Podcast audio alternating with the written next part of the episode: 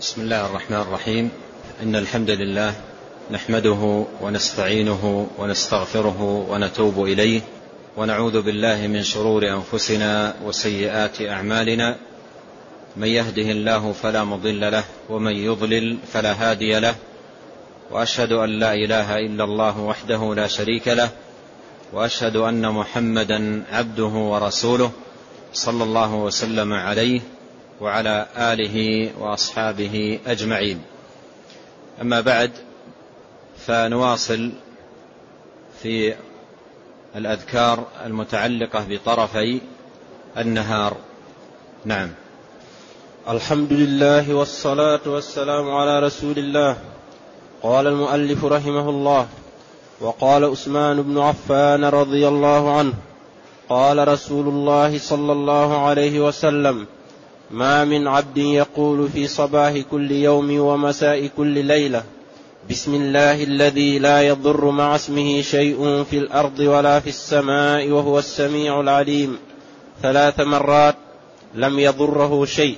وقال الترمذي حديث حسن صحيح. أورد المصنف رحمه الله هذا الحديث وهو من جملة الأحاديث المتعلقة بأذكار طرفي النهار فهو ذكر يقال في الصباح ويقال في المساء وهو تحصن يتحصن العبد ويتحرز ويوقى بإذن الله تبارك وتعالى إذا ذكر اسم الله جل وعلا كما أمر وكما أخبره وأرشده. إلى ذلك رسول الله عليه الصلاة والسلام فإنه يوقى ولا يضره شيء. على ما سيأتي بيانه في هذا حديث عثمان بن عفان رضي الله عنه. قال قال رسول الله صلى الله عليه وسلم ما من عبد يقول في صباح كل يوم ومساء كل ليلة بسم الله الذي لا يضر مع اسمه شيء في الأرض ولا في السماء وهو السميع العليم ثلاث مرات لم يضره شيء هذا الذكر كما جاء في الحديث يقال ثلاث مرات في الصباح وثلاث مرات في المساء. وكما قدمت هو تحصن إذا حافظ عليه العبد حفظ بإذن الله عز وجل ولم يضره شيء أي شيء كان. لا لا من جهة الشياطين ولا من جهة الهوام ولا من جهة المصائب. أو نحو ذلك لم يضره شيء يعني كان بذلك محفوظا بحفظ الله تبارك وتعالى. فلا يصل إليه ضر ولا يمسه ضر لأنه محفوظ بحفظ الله عز وجل. قال يقول بسم الله الذي لا يضر مع اسمه شيء. بسم الله الجار والمجرور هنا في قوله بسم الله متعلق بمحذوف تقديره أستعيذ. بسم الله أستعيذ يعني أطلب العود. فأنت تسمي هذه التسمية ذاكرا اسم الله تبارك وتعالى في هذا الوقت في الصباح وفي المساء تطلب أن يعيذك وأن يقيك وأن يسلمك وأن يحفظك فتقول بسم الله. بسم الله أي أستعيذ أطلب العوذ ذاكرا اسم الله عز وجل طالبا منه سبحانه وتعالى أن يعيذني. هذا معنى قولك هنا بسم الله. لأن بسم الله في كل موضع يقدر المسمي أو الفاعل فعلا يناسب الأمر الذي سمى لأجله. فإذا كنت تكتب وقلت بسم الله فالمعنى بسم الله أكتب. وإن كنت أردت أن تأكل فالمعنى بسم الله آكل. وهكذا. فأنت هنا تطلب العود. تطلب من الله أن يعيدك في صباح اليوم. وتطلب منه أن يعيدك في مسائه فتقول بسم الله. أي بسم الله أستعيذ. أطلب منه أن يعيذني أن يقيني أن يحفظني. بسم الله الذي لا يضر مع اسمه شيء في الأرض ولا في السماء. أي مع ذكر اسمه والاستعاذة به والالتجاء به والاحتماء بحماه سبحانه وتعالى لا يصل للإنسان أي ضرر. لا من جهة الأرض ولا من جهة السماء. فإنه يكون بذلك محفوظا. لا يضره شيء. لا لا يصل إليه ضرر لا من جهة الأرض ولا من جهة السماء لا يضر مع اسمه شيء في الأرض ولا في السماء. أي أن الضرر لا يحصل للإنسان ولا ينال الإنسان ما دام ذاكرا لله مستعينا بالله محتميا بحماه طالبا حفظه تبارك وتعالى وكفايته. والله عز وجل يقول أليس الله بكاف عبده؟ فمن استعان بالله أعانه ومن استعاذ بالله أعاذه. ومن توكل على الله كفاه. قال لا يضر مع اسمه شيء في الأرض ولا في السماء أي لا من جهة الأرض ولا من جهة السماء. وهو السميع العليم السميع لأقوال الناس وجميع الأصوات. تبارك وتعالى يسمع الأصوات كلها جل وعز. ولو أن الناس من أولهم إلى آخرهم قاموا في صعيد واحد وتكلموا في لحظة واحدة وكل تكلم بحاجته وكل تكلم بلهجته ولغته ولسانه لسمع أصواتهم أجمعين سبحانه وتعالى. دون أن يختلط عليه صوت بصوت ولا لغة بلغة ولا حاجة بحاجة. قالت أم المؤمنين عائشة رضي الله عنها سبحان الذي وسع سمعه الأصوات. سبحان الذي وسع سمعه الأصوات. وفي الحديث القدسي يقول الله تبارك وتعالى يا عبادي لو أن أولكم وآخركم وإنسكم وجنكم قاموا في صعيد واحد فسألوني فأعطيت كل واحد منهم مسألته ما نقص ذلك من ملكي شيئا إلا كما ينقص المخيط إذا غمس في البحر. فالله عز وجل سميع للأصوات كلها وللمسموعات جميعها. لا يخفى عليه تبارك وتعالى منها شيء السميع. البصير وهو السميع العليم أي الذي يعلم السر وأخفى يعلم الغيب والشهادة يعلم خائنة الأعين وما تخفي الصدور أحاط بكل شيء علما وأحصى كل شيء عددا.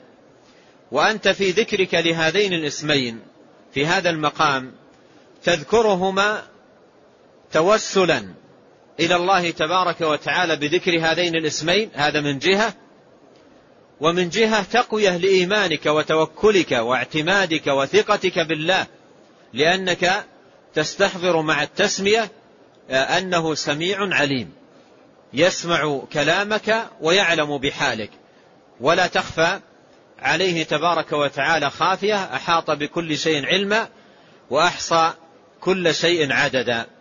يقول نبينا عليه الصلاة والسلام ثلاث مرات يعني قل هذا الذكر ثلاث مرات إذا أصبحت وثلاث مرات إذا أمسيت. فما من عبد يقول ذلك لم يضره شيء. لم يضره شيء. يعني لا يحصل له آه، ضرر بل إنه محفوظ بإذن الله عز وجل. قلت قبل قليل لا يضره شيء يعني أي شيء كان أي شيء كان يعني لا ضرر من, من جهة الشياطين وأذاها وتسلطها وعدوانها يسلم من ذلك. يسلم أيضا من أن يعتدى عليه أو يبغى عليه أو نحو ذلك من الأضرار. أيضا يسلم من أضرار الحيوانات المؤذية والحشرات المؤذية يسلم من ذلك كله. أيضا يسلم من الأسقام والأمراض. كل ذلك داخل تحت قوله لم يضره شيء لأن النبي عليه الصلاة والسلام لم يخص لم يخص عليه الصلاة والسلام نوعا من الضرر بل قال لم يضره شيء. فيبقى الأمر على على إطلاقه. فيحفظ قائل هذا الذكر من كل شيء ويكون محفوظا بحفظ الله تبارك وتعالى. هذا الحديث رواه الترمذي كما قال المصنف آه، في في في كتابه السنن وأورد عقبه قصة مفيدة لأحد رواة الحديث. لأحد رواة الحديث وهو أبان بن عثمان. أحد رواة هذا الحديث. كان في في مجلس هذا أبان كان في مجلس وكان يحدث من عنده بهذا الحديث ساق إليهم الحديث بسنده. وكان أبان مصاب بطرف فالج يعني في في في طرف طرف من أطرافه فيه فالج والفالج هو ما يسمى الآن بالشلل أو الجلطة التي يتوقف فيها حركة الطرف الذي أصيب بالفالج. فكان أصيب بفالج وجزء أو جنب من من من جسمه متوقف عن الحركة. فكان يحدث بهذا الحديث. وفي المجلس رجل حاضر فكان يسمع منه الحديث ويسمع في نهاية الحديث لم يضره شيء وكان مركزا عينيه على الفالج الإصابة التي في, في أبان بن عثمان. يعني ينظر إليه مركز النظر في مكان الإصابة. ينظر بعينيه بتركيز لمكان الإصابة. وكأن نظرات عيونه تقول ماذا؟ كأن نظرات عيونه تقول ماذا؟ تقول الآن الحديث أنت تقول في, في آخره يقول عليه الصلاة لم يضره شيء. يقول عليه الصلاة والسلام لم يضره شيء وأنا أرى الآن أمامي جنبك فيه, فيه الضرر هذا. فنظرات عيونه كأنها تتحدث بهذا الأمر. وينظر. فقال له أبان رأى هذه النظرات فقال له أبان ما تنظر؟ ما تنظر يعني إيش, إيش النظر هذا؟ ما تنظر. أما إن الحديث كما حدثتك. أما إن الحديث كما حدثتك ولكنني لم أقله مرة ليمضي الله في قدره. ولكني لم أقله مرة ليمضي الله في قدره. يعني هذه الإصابة التي تراها اليوم الذي حصلت فيه لم أقل هذا الدعاء. لم أقله مرة ليمضي الله في قدره. فيقول ما تنظر يعني لا, لا, لا تنظر. وهذا حقيقة نستفيد منه فائدة أن ما ينبغي أن تخضع السنة للتجارب كما يفعل بعض الناس. بعض الناس عندما يسمع بدعاء أو بذكر للاستشفاء أو يأخذه على سبيل التجربة. وربما يسأل من أخبر يقول جربت؟ هل جربت هذا؟ أو تسمع عرفت إن أحد جربه؟ وإذا قيل له مجرب يقوى عنده الأمر أكثر من قوة سماعه من النبي عليه الصلاة والسلام أو بلوغه أنه من النبي عليه الصلاة والسلام. هذا من الخطأ. ومما يفيدنا في هذا الباب قول النبي عليه الصلاة والسلام صدق الله وماذا؟ وكذب بطن أخيك. فما تخضع السنة للتجارب ولا ينظر الإنسان للسنة بمثل هذه النظرة. وإنما السنة مثل ما قال أبان رحمه الله أما إن الحديث كما حدثتك. أما إن الحديث كما حدثتك. الحديث صادق. لأنه خرج من الذي لا ينطق عن الهوى. عليه الصلاة والسلام. لا, لا لم يضره شيء. فيقول أما إن الحديث كما حدثتك. لكن هذه الإصابة أو هذا الضرر يا يا لكوني نسيت. مثل هذا ما حصل أيضا للقرطبي في حديث سيأتي معنا. وهو حديث من نزل منزلا. من نزل منزلا فقال أعوذ بكلمات الله التامات كلها لم آه، لم يضره شيء حتى يرحل من منزله ذلك.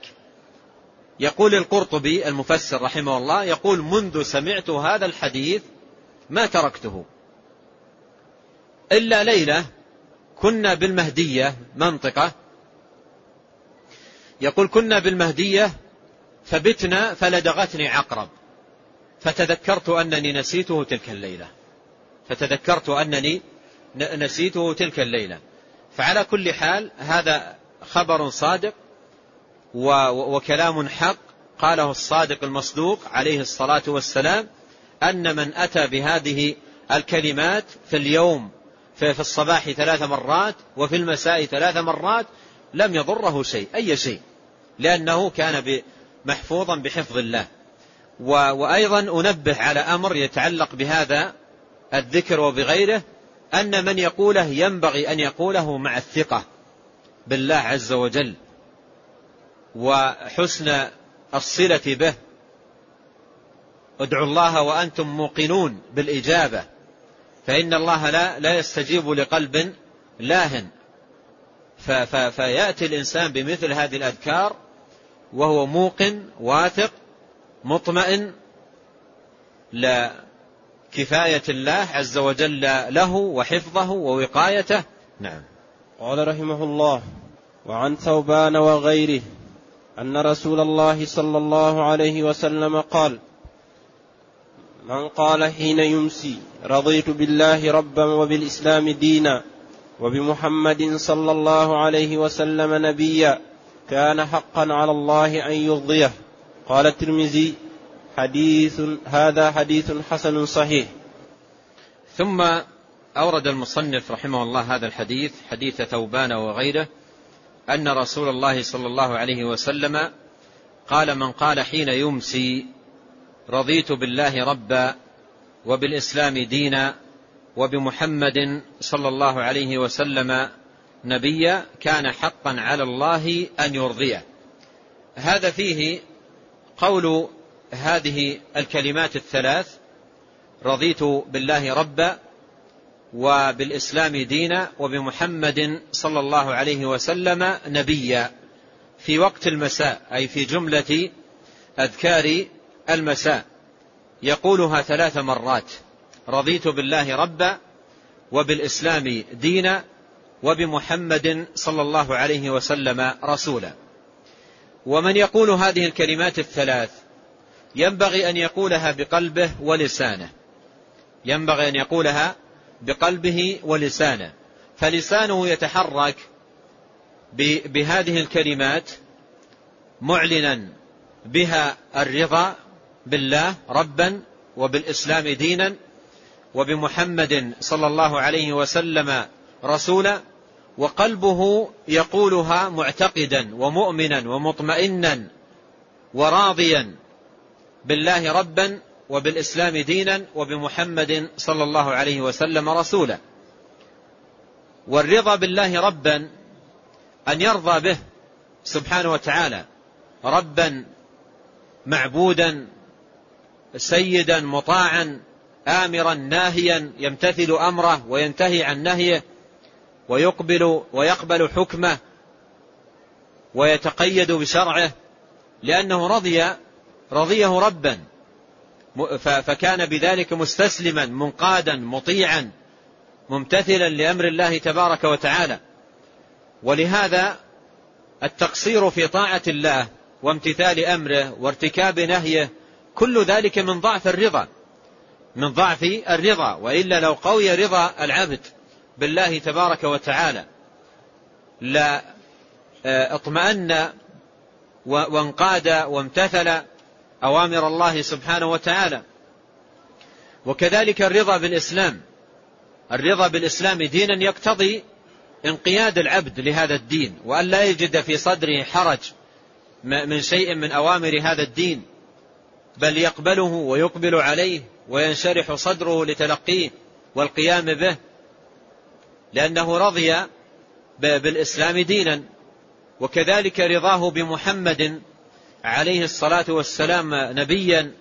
هذا يقتضي أن يحبه صلوات الله وسلامه عليه محبة مقدمة على محبة النفس والوالد والولد والناس أجمعين وأن يطيعه في أمره وأن ينتهي عن نهيه وأن يصدقه في خبره. كل ذلك من الرضا به صلى الله عليه وسلم نبيا. قال كان حقا على الله أن يرضيه والجزاء من جنس العمل. شاهد ذلك في القرآن رضي الله عنهم ورضوا عنه. فالجزاء من جنس العمل. فمن رضي عن الله ورضي بالله ربا رضي الله عنه.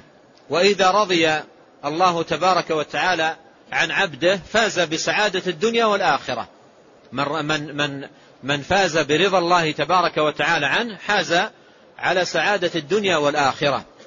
وهذا الحديث كما نبه آه، محققه محقق الكتاب الشيخ الألباني رحمه الله. الحديث سند ضعيف لأن فيه سعيد بن المرزبان ضعيف مدلس وقد عنعن. فالحديث إسناده ضعيف لكنه ثبت عن عن النبي عليه الصلاة والسلام. في مستدرك الحاكم بل في سنن أبي داود ثبت عن النبي عليه الصلاة والسلام من حديث أبي سعيد الخدري رضي الله عنه أن النبي صلى الله عليه وسلم قال من قال رضيت بالله ربا وبالإسلام دينا وبمحمد صلى الله عليه وسلم رسولا وجبت له الجنة وجبت له الجنة ولم يقيد بصباح أو مساء ولم يقيد بصباح أو مساء. يعني بلفظ من قال رضيت بالله ربا لم يقل فيه إذا أمسى أو إذا أصبح. فهذا ذكر مبارك يجمل بالمسلم أن يأتي به وأن يحافظ عليه وأن يكون من جملة ذكره لأنه ثابت عن النبي الكريم عليه الصلاة والسلام. نعم. قال رحمه الله وعن أنس رضي الله عنه أن رسول الله صلى الله عليه وسلم قال من قال حين يصبح أو يمسي اللهم إني أصبحت أشهدك وأشهد حملة عرشك وملائكتك وجميع خلقك بأنك أنت الله لا إله إلا أنت وأن محمدا عبدك ورسولك أعتق الله ربعه من النار ومن قالها مرتين أعتق الله نصفه من النار ومن قالها ثلاثا أعتق الله ثلاثة أرباعه من النار فإن قالها اربعا أعتقه الله من النار. قال الترمذي حديث حسن. ثم أورد المصنف رحمه الله هذا الحديث حديث أنس رضي الله عنه أن الرسول صلى الله عليه وسلم قال من قال حين يصبح أو يمسي اللهم إني أصبحت أشهدك إلى آخره. هذه الشهادة التي وردت في في هذا الحديث شهادة عظيمة بوحدانية الله عز وجل وإشهاد من الشاهد لله وملائكته وحملة عرشه وجميع خلقه بأنه شاهد بهذه الشهادة. فهي شهادة عظيمة جدا لله تبارك وتعالى بالوحدانية والشاهد بها يشهد الله على هذه الشهادة ويشهد ملائكة الله ويشهد حملة عرش الله ويشهد جميع خلق الله على هذه الشهادة أنه يشهد لله تبارك وتعالى بالوحدانية. فهي كلمات عظيمة جدا كلمات عظيمة جدا في شهادة التوحيد وإعلان التوحيد. والإقرار بالتوحيد والصدع بالتوحيد. والصيغة كما وردت يقول اللهم إني أصبحت أشهدك وأشهد حملة عرشك. اللهم إني أصبحت أشهدك آه، وأشهد حملة عرشك وملائكة وملائكتك وجميع خلقك بأنك أنت الله لا إله إلا أنت.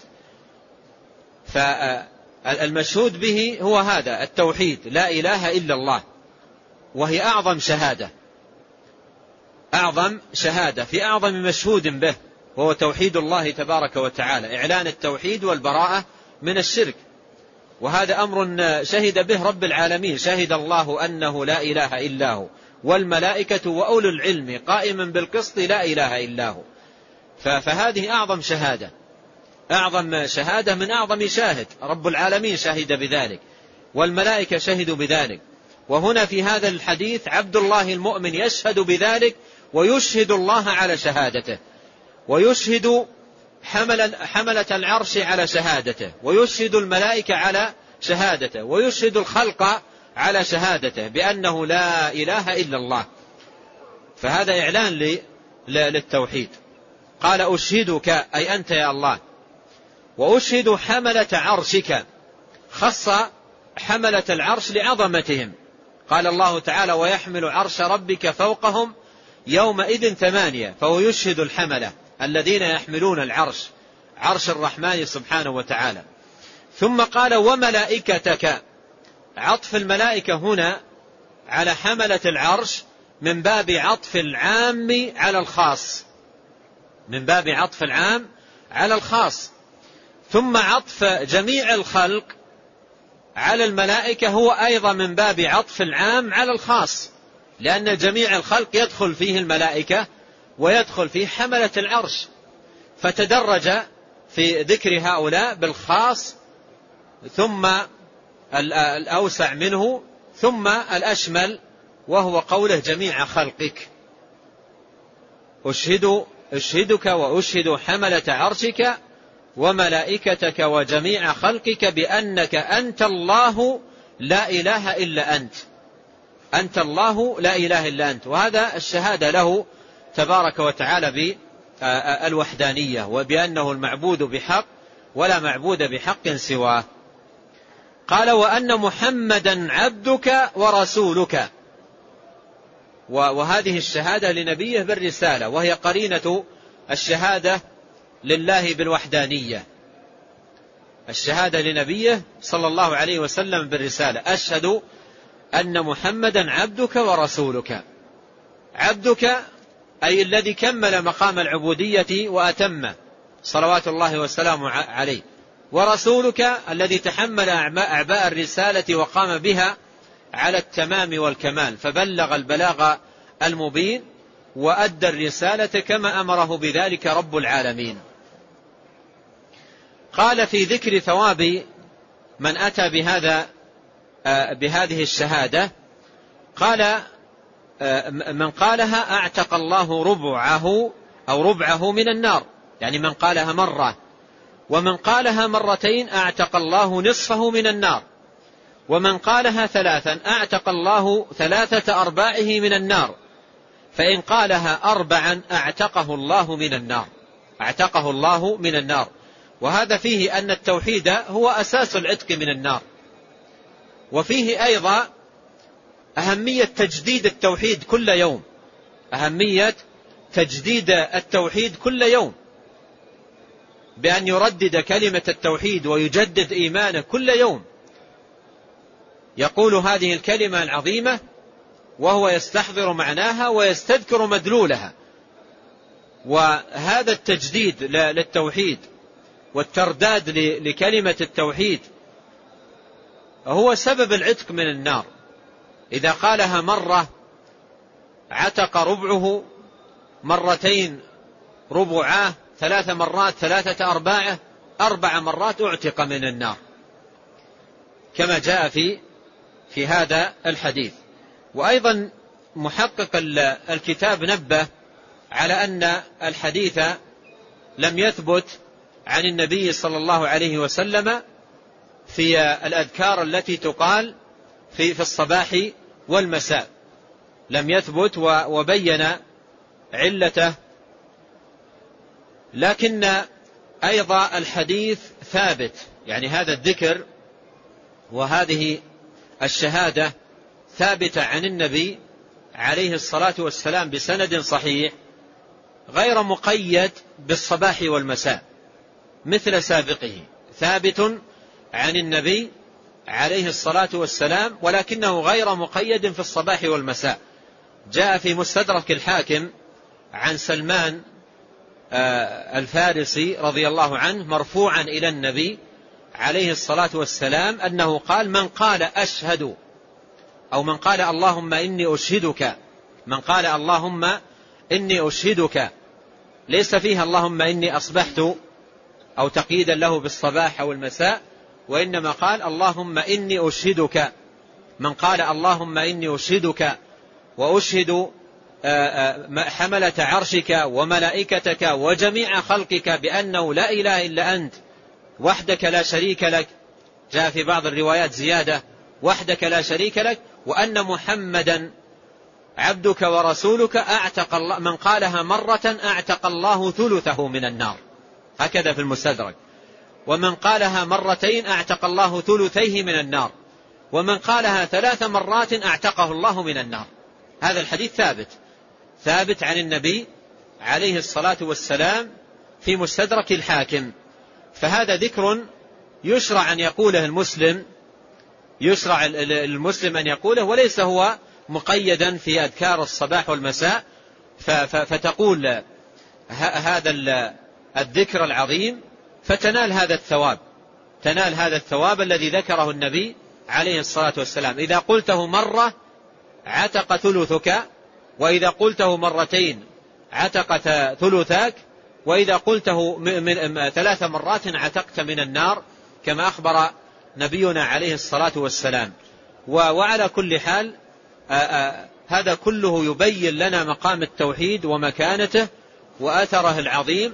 في العتق من النار والنجاة منها والفكاك منها وأنه هو الأساس الذي ينال به العبد العتق من النار. قال رحمه الله وعن عبد الله بن غنام رضي الله عنه أن رسول الله صلى الله عليه وسلم قال من قال حين يصبح اللهم ما أصبح بي من نعمة أو بأحد من خلقك فمنك وحدك لا شريك لك لك الحمد ولك الشكر فقد أدى شكر يومه. ومن قال مثل ذلك حين يمسي فقد أدى شكر ليلته خرجه أبو داود. ثم أورد رحمه الله هذا الحديث حديث عبد الله بن غنام رضي الله عنه عن النبي عليه الصلاة والسلام أنه قال من قال حين يصبح اللهم ما أصبح بي من نعمة أو بأحد من خلقك فمنك وحدك لا شريك لك لك الحمد ولك الشكر فقد أدى شكر يومه. ومن قال مثل ذلك حين يمسي فقد أدى شكر ليلته. هذا الحديث فيه آه، الاتيان بهذه الدعوة وهي حمد وشكر لله سبحانه وتعالى. حمد وشكر لله سبحانه وتعالى بهذه الصيغة التي وردت هنا. في الصباح يقول اللهم ما أصبح بي وفي المساء يقول اللهم ما أمسى بي من نعمة إلى آخرة أو بأحد من خلقك فمنك وحدك لا شريك لك. لك الحمد ولك الشكر. فهذه فيها حمد الله وشكره والثناء عليه والاعتراف بنعمته ومنته تبارك وتعالى على عبده المؤمن فيه ذلك كله. ثم ذكر ثواب ذلك قال إن من قاله في الصباح يكون أدى شكر اليوم ومن قاله في المساء أدى شكر تلك الليلة. لكن الحديث كما نبه المحقق سنده ضعيف فيه عبد الله بن عنبسة قال عنه الذهبي لا يعرف. فالحديث سنده آه، آه، آه، ضعيف نعم. قال رحمه الله وقال عبد الله بن عمر ابن عمر رضي الله عنهما لم يكن النبي النبي صلى الله عليه وسلم يدعو هؤلاء الدعوات حين يمسي وحين يصبح. اللهم إني أسألك العافية في الدنيا والآخرة. اللهم أسألك العفو والعافية في ديني ودنياي وأهلي ومالي. اللهم استر عوراتي وآمن روعاتي. اللهم احفظني من بين يدي ومن خلفي وعن يميني وعن شمالي ومن فوقي. وأعوذ بعظمتك أن أغتال من تحتي قال وكيع يعني الخصف خرجه أبو داود والنسائي وابن ماجة وقال الحاكم صحيح الإسناد. قال وكيع يعني الخصف بالسين وليس بالصاد. الخصف جيد أما الخصف مصيبة. ثم أورد المصنف رحمه الله هذا الحديث حديث عبد الله بن عمر رضي الله عنهما قال لم يكن النبي صلى الله عليه وسلم يدع هؤلاء الدعوات حين يمسي وحين يصبح. هنا قول ابن عمر رضي الله عنهما في وصفه للنبي عليه الصلاة والسلام بأنه لم, لم يكن يدع هؤلاء الدعوات. هذا فيه المحافظة. فيه المحافظة من النبي عليه الصلاة والسلام في كل يوم في الصباح والمساء على هذه الدعوات العظيمة. وهي يا إخوان دعوات عظيمة جدا. والله كلنا نحتاج إليها حاجة ماسة خاصة في زماننا هذا في كثرة الفتن والطوارق والشرور والأضرار والمخاوف التي تنتاب كثير من الناس من كل الجهات. فكم يحتاج الناس إلى المحافظة والمواظبة والعناية التامة بهذه الدعوة العظيمة؟ التي كان يواظب عليها نبينا عليه الصلاة والسلام كل يوم مرتين مرة إذا أصبح ومرة إذا أمسى. قال اللهم إني أسألك العافية. اللهم إني أسألك العافية في الدنيا والآخرة. اللهم إني أسألك العافية. والعافية هي الوقاية. العافية هي الوقاية من كل شر ومن كل ضر ومن كل بلاء ومن كل أمر يخيف. فيطلب من الله عز وجل العافية أن يعافيه بأن يقيه من الشرور والأخطار والأضرار. قال اللهم إني أسألك العافية في الدنيا أي في هذه الحياة الدنيا. أي شيء فيها وأي ضر وأي بلاء وأي شر أسألك يا الله أن تعافيني منه وأن تسلمني وأن تقيني في الدنيا والآخرة. أيضا يطلب العافية في الآخرة. وذلك بأن يعافى من الأهوال ومن العقوبات ومن الآلام وما ما يحصل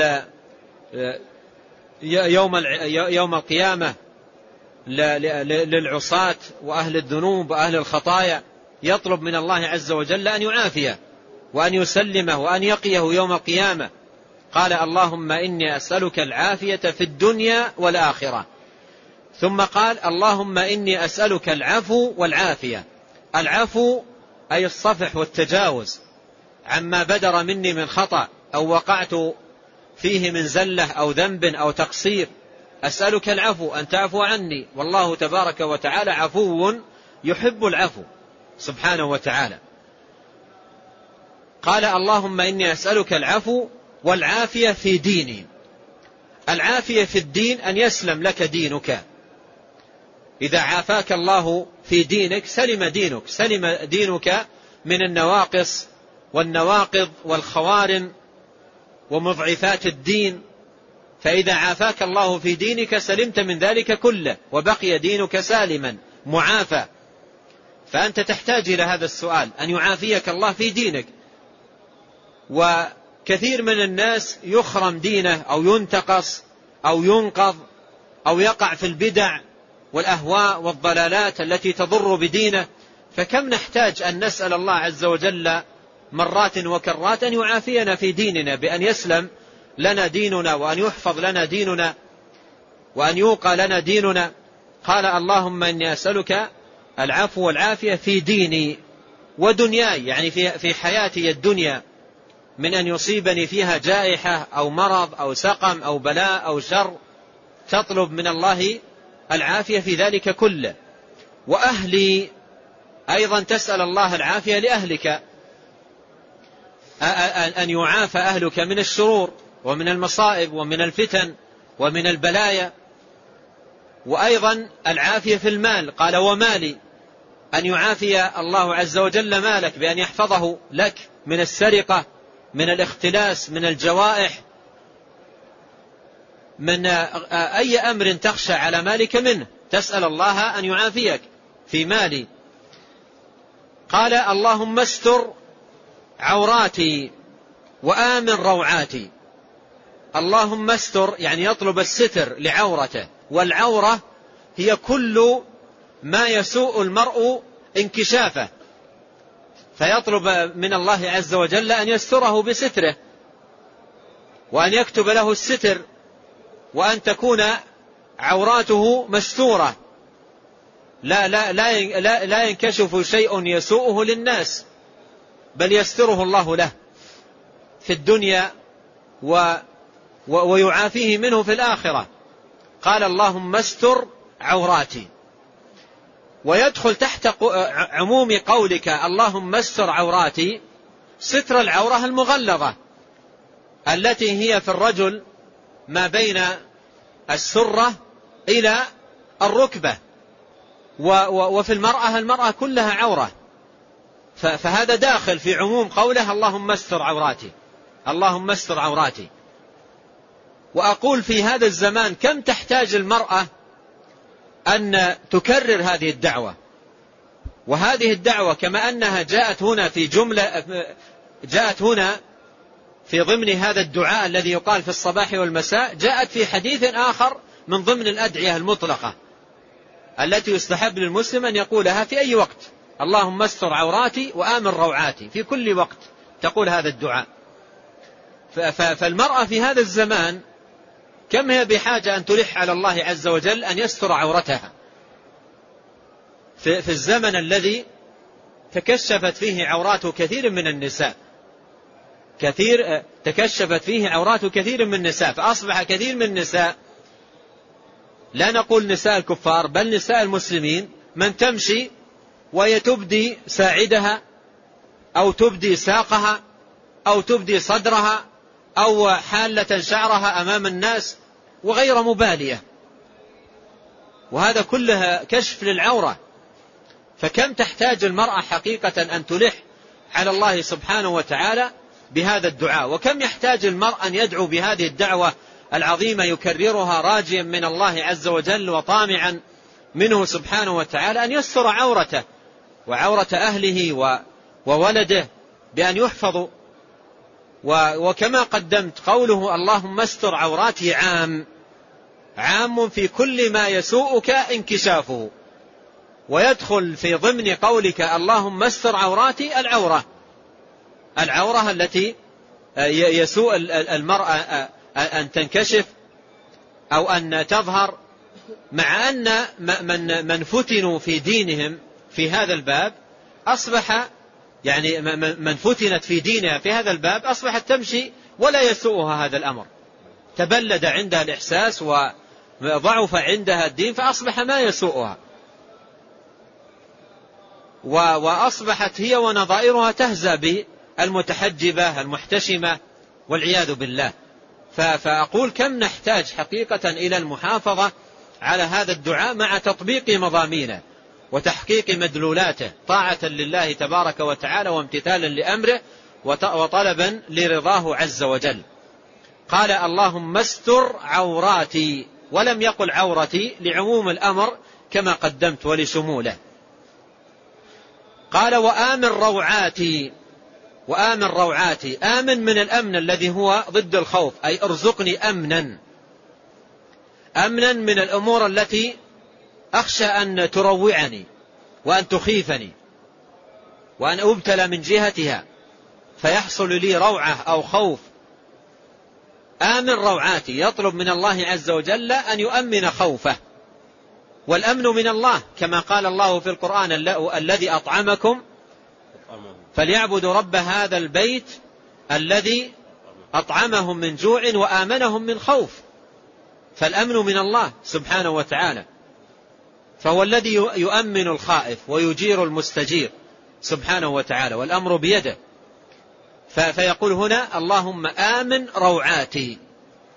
وقال هنا روعاتي أتى بهذه الصيغة صيغة الجمع لأن الأشياء التي يخاف الإنسان أن تروعه ليست شيئا واحدا أشياء كثيرة جدا. أشياء كثيرة جدا يخاف الإنسان من جهتها أن يحصل له روعة. أن يحصل له من جهتها روعة. ولهذا قال هنا اللهم آمن روعاتي. ثم قال اللهم احفظني. وتأمل جيدا هذا السؤال العظيم الذي فيه طلب الحفظ من الله. قال اللهم احفظني من بين يدي يعني من أمامي ومن خلفي وعن يميني وعن شمالي ومن فوقي وأعوذ بعظمتك أن أغتال من تحتي. يعني يطلب من الله سبحانه وتعالى أن يحفظه من كل جهاته. أن يحفظه من كل جهاته وأن يحصنه من جميع الجهات من الأمام ومن الخلف وعن يمين وعن شمال ومن فوق ومن تحت. وهذا فيه إشارة إلى أن المصائب والبلايا والشرور لا يأمن الإنسان أن تجيه من أي جهة. قد تأتي من اليمين قد تأتي من اليسار قد تأتي من الأمام قد تأتي من الوراء قد تنزل من فوق قد تنبع من الأرض. فهي من الجهات كلها. لا يأمن الإنسان من جهة. فهي من كل جهة. فيحتاج العبد أن يحتاج العبد إلى حفظ إلى حفظ الله تبارك وتعالى له من كل جهاته. من الأمام ومن الخلف وعن اليمين وعن الشمال من فوق من تحت. يسأل الله أن يحفظه. أن يحفظك من ماذا؟ انتبه هنا. أنت تقول اللهم احفظني. هل حددت شيئا؟ تطلب من الله سبحانه وتعالى أن يحفظك منه؟ يعني مثلا هل قلت هنا اللهم احفظني من الشيطان من أمامي ومن خلفي إلى آخره هل حددت شيئا معينا؟ ماذا يفيد عدم التحديد؟ ماذا يفيد عدم التحديد؟ أنت لم تحدد أنت قلت اللهم احفظني من, من هذه الجهات ولم تحدد شيئا تطلب من الله أن يحفظك منه فأي شيء هذا يفيد؟ يفيد العموم الحفظ من كل شيء من الشيطان من آه، آه، أهل الشر والعدوان والأذى من الحيوانات المؤذية من المصائب من الكوارث من الزلازل قل ما شئت. أنت طلبت من الله عز وجل حفظا عاما من كل شيء تخافه. فهذا تحصين تحصين كامل تحصين كامل ووقاية شاملة. يحفظ العبد بإذن الله تبارك وتعالى بهذا التحصين من كل شيء. ويدخل في ذلك الشيطان. والشيطان يأتي للإنسان من جميع الجهات. اقرأ ذلك في قوله تعالى ثم لآتينهم من بين أيديهم ومن خلفهم وعن أيمانهم وعن شمائلهم والنتيجة ما هي؟ ولا تجد أكثرهم شاكرين. الشيطان يأتي من كل الجهات. فأنت إذا سألت الله هذا الحفظ من, من هذه الجهات حفظت من الشيطان وحفظت من أهل الشر والعدوان حفظت من المصائب والكوارث من الأسقام. حفظت من كل شيء من جهاتك كلها. قال اللهم احفظني من بين يدي ومن خلفي وعن يميني وعن شمالي ومن فوقي وأعوذ بعظمتك أن أغتال من تحتي. يعني أن يكون موتي وهلاكي غيلة من تحتي. غيلة من تحتي. والغيلة أن يفجأ أن يفجأ الإنسان الموت. بشيء من تحته ينبع من تحته مثل البركان أو الزلزال أو نحو ذلك. أحيانا يأتي من تحت الناس شيء يهلك ليس ليس العشرات ولا ولا ولا المئات بل الآلاف. يعني في زماننا هذا حصلت زلازل مات في في في, في الهزة الواحدة التي اهتزت الأرض من تحت أهلها لدقيقة واحدة فمات من تلك الهزة ثلاثمائة ألف أربعمائة ألف كلهم ماتوا موت نفس واحدة. هلكوا هلاك نفس واحدة. حتى ديارهم لم تصبح لها وجود. حتى ديارهم بيوتهم مساكنهم لم يصبح لها وجود. ومن يمر على على تلك الأراضي يقول كان هنا بيوت وكان هنا عمائر. لم يصبح لها أي وجود. اهتزت الأرض من تحتهم لدقيقة واحدة. أو دقيقتين. فكيف لو لو استمرت مهتزة ساعة؟ كيف لو استمرت مهتزة ساعة أو ساعتين أو يوما كاملا؟ فالحافظ الله سبحانه وتعالى من نعمة الله سبحانه وتعالى عليك أنك تمشي على أرض ساكنة ليست رجراجة ولا مهتزة. وإلا لو كانت الأرض التي تحت الناس مهتزة رجراجة ما يستطيع ينام الإنسان. ولا يستطيع يبني ولا يستطيع يزرع ولا يستطيع يستقر. فمن نعمة الله أن جعل الأرض قرار ساكنة. واعتبر في هذا الباب بحصول الزلازل أو نحوها أو كذلك الفيضانات أو الطوفان أو نحو ذلك من الأمور التي لا لا نراها في زماننا ونسمع عنها في أزمان متقدمة. فالإنسان يسأل الله الحفظ يسأل الله الحفظ والحافظ هو رب العالمين. يعقوب عليه السلام يقول فالله خير حافظا وهو أرحم الراحمين. الحافظ هو رب العالمين. فكم هو جميل بالمسلم أن يوظف هذا الدعاء راتبا كل يوم في الصباح مرة وفي المساء مرة ملتجئا إلى ربه سبحانه وتعالى طالبا منه العافية وطالبا منه الحفظ سبحانه وتعالى.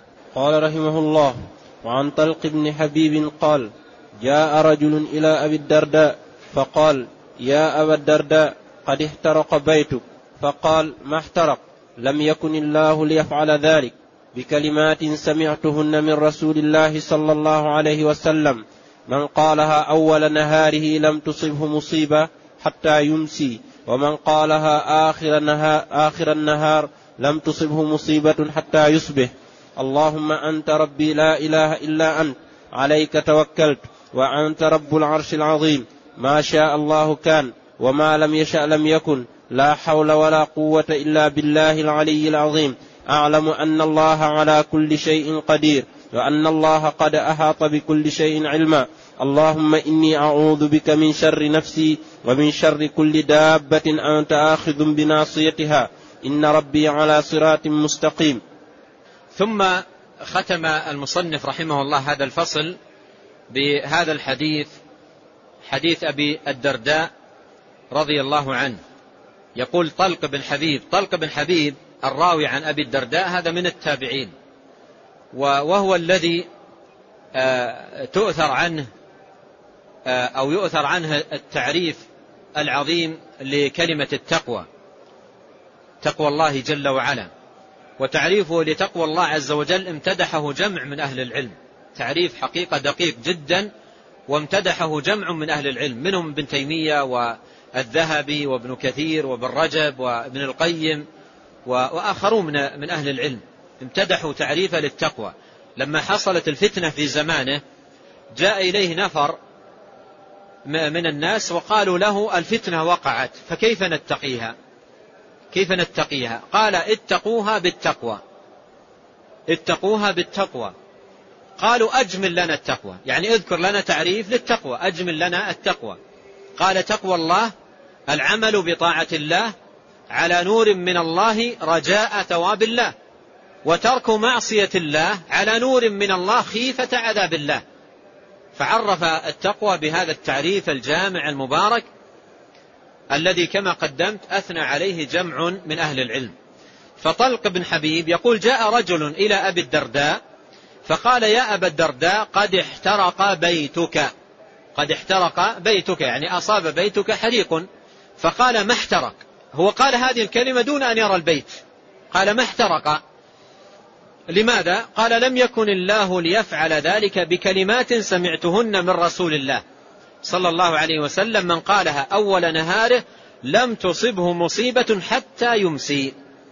ومن قالها آخر النهار لم تصبه مصيبة حتى يصبح. ثم ذكر الدعاء. اللهم أنت ربي لا إله إلا أنت عليك توكلت وأنت رب العالم وأنت رب العرش العظيم. قوله اللهم أنت ربي لا إله إلا أنت هذا التوحيد إعلان التوحيد. وقد أشرت أن هذا التوحيد يمر ومتكررا وكثيرا في أذكار الصباح وفي أذكار المساء. وعموم الأذكار. اللهم أنت ربي لا إله إلا أنت. عليك توكلت. أي فوضت أمري إليك واعتمدت عليك في أموري كلها. عليك توكلت. وأنت رب العرش العظيم. يعني أؤمن وأقر بربوبيتك للعرش الذي هو أكبر المخلوقات وأعظمها. ما شاء الله كان. أي أن الأمور كلها بمشيئة الله. ما شاء الله كان وما لم يشأ لم يكن. كما قال الله عز وجل لمن شاء منكم أن يستقيم وما تشاءون إلا أن يشاء الله رب العالمين. ما شاء الله كان وما لم يشأ لم يكن. أي, أي, أي أقر أن الأمور كلها بمشيئتك. فما شئته كان وما لم تشأه لا يكون. وإن أراده العبد. يقول الشافعي رحمه الله في أبيات الله ما شئت كان وإن لم أشأ وما شئت إن لم تشأ لم يكن.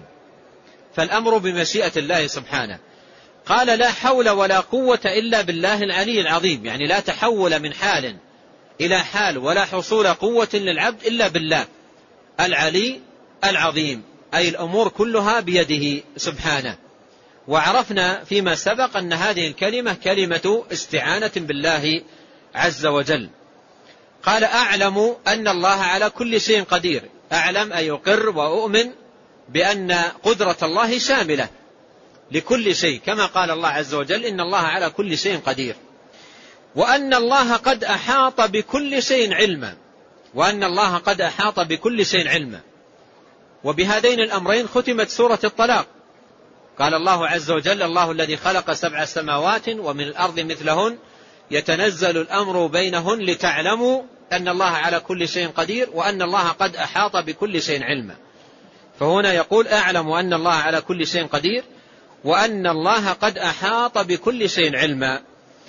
اللهم إني أعوذ بك من شر نفسي. بعد أن جاء بما تقدم وهي وسائل جاء بالدعاء والمطلوب وهو طلب العوذ من الله. قال اللهم إني أعوذ بك من شر نفسي أي من كل شر يصدر من نفسي الأمارة بالسوء. ومن شر كل دابة أنت آخذ بناصيتها. والدواب كلها رب العالمين آخذ بناصيتها. ما من دابة إلا هو آخذ بناصيتها. إن ربي على صراط مستقيم. إن ربي على صراط مستقيم. فذكر يعني أولا وسائل بين يدي الدعاء ثم دعا وسأل الله تبارك وتعالى هذا السؤال العظيم وهو طلب الوقاية من شر النفس والوقاية من شر كل دابة هو تبارك وتعالى آخذ بناصيتها. ولعلكم تذكرون مر معنا مثل هذا المعنى يقال في الصباح والمساء التعوذ من شر النفس وشر الشيطان في حديث أبي بكر قال قله إذا أصبحت وإذا أمسيت وإذا أخذت مضجعك وفي آخره قال أعوذ بك من شر نفسي وشر الشيطان وشركه وأن أقترف على نفسي سوءا أو أجره إلى مسلم. وثبت عن النبي عليه الصلاة والسلام كما سيأتي معنا التعوذ بالله عند النوم من شر كل دابة هو آخذ بناصيتها. كان عليه الصلاة والسلام يقول إذا أوى إلى فراشه اللهم أنت ربي اللهم فاطر اللهم رب السماوات ورب الأرض ورب العرش العظيم ربنا ورب كل شيء ومليكه فالق الحب والنوى منزل التوراة والإنجيل والقرآن. أعوذ بك من شر كل دابة أنت آخذ بناصيتها. فهذا يقال عند النوم. فعلى كل حال المعنى الذي هو المطلوب في هذا الدعاء وارد في حديث آخر فيما يتعلق بالصباح والمساء وعند النوم ووارد أيضا عند النوم. أما هذا الحديث حديث أبي الدرداء فقد نبه المحقق أنه لم يثبت فقال وفيه الأغلب بن تميم قال البخاري وغيره منكر الحديث ثم رواه أي ابن السني في كتاب عمل اليوم والليلة بنحوه عن رجل لم يسم وعنه معان أبو عبد الله ولم أعرفه فيرى الشيخ أن الحديث ضعيف وعلى كل حال يغني عنه ما أشرت إليه من الأحاديث والدعوات الثابتة عن النبي الكريم عليه الصلاة والسلام. وإلى هنا انتهى ما أراد إراده المصنف رحمه الله من الأذكار التي تقال في الصباح والمساء ولم يقصد الجمع لأن هناك أذكار ودعوات تقال في الصباح والمساء ثابتة عن النبي صلى الله عليه وسلم ولم يذكرها المصنف هنا لأنه لم يقصد الجمع. ثم بعد ذلك انتقل للأذكار التي تقال عند النوم. والله تعالى أعلم. صلى الله وسلم على نبينا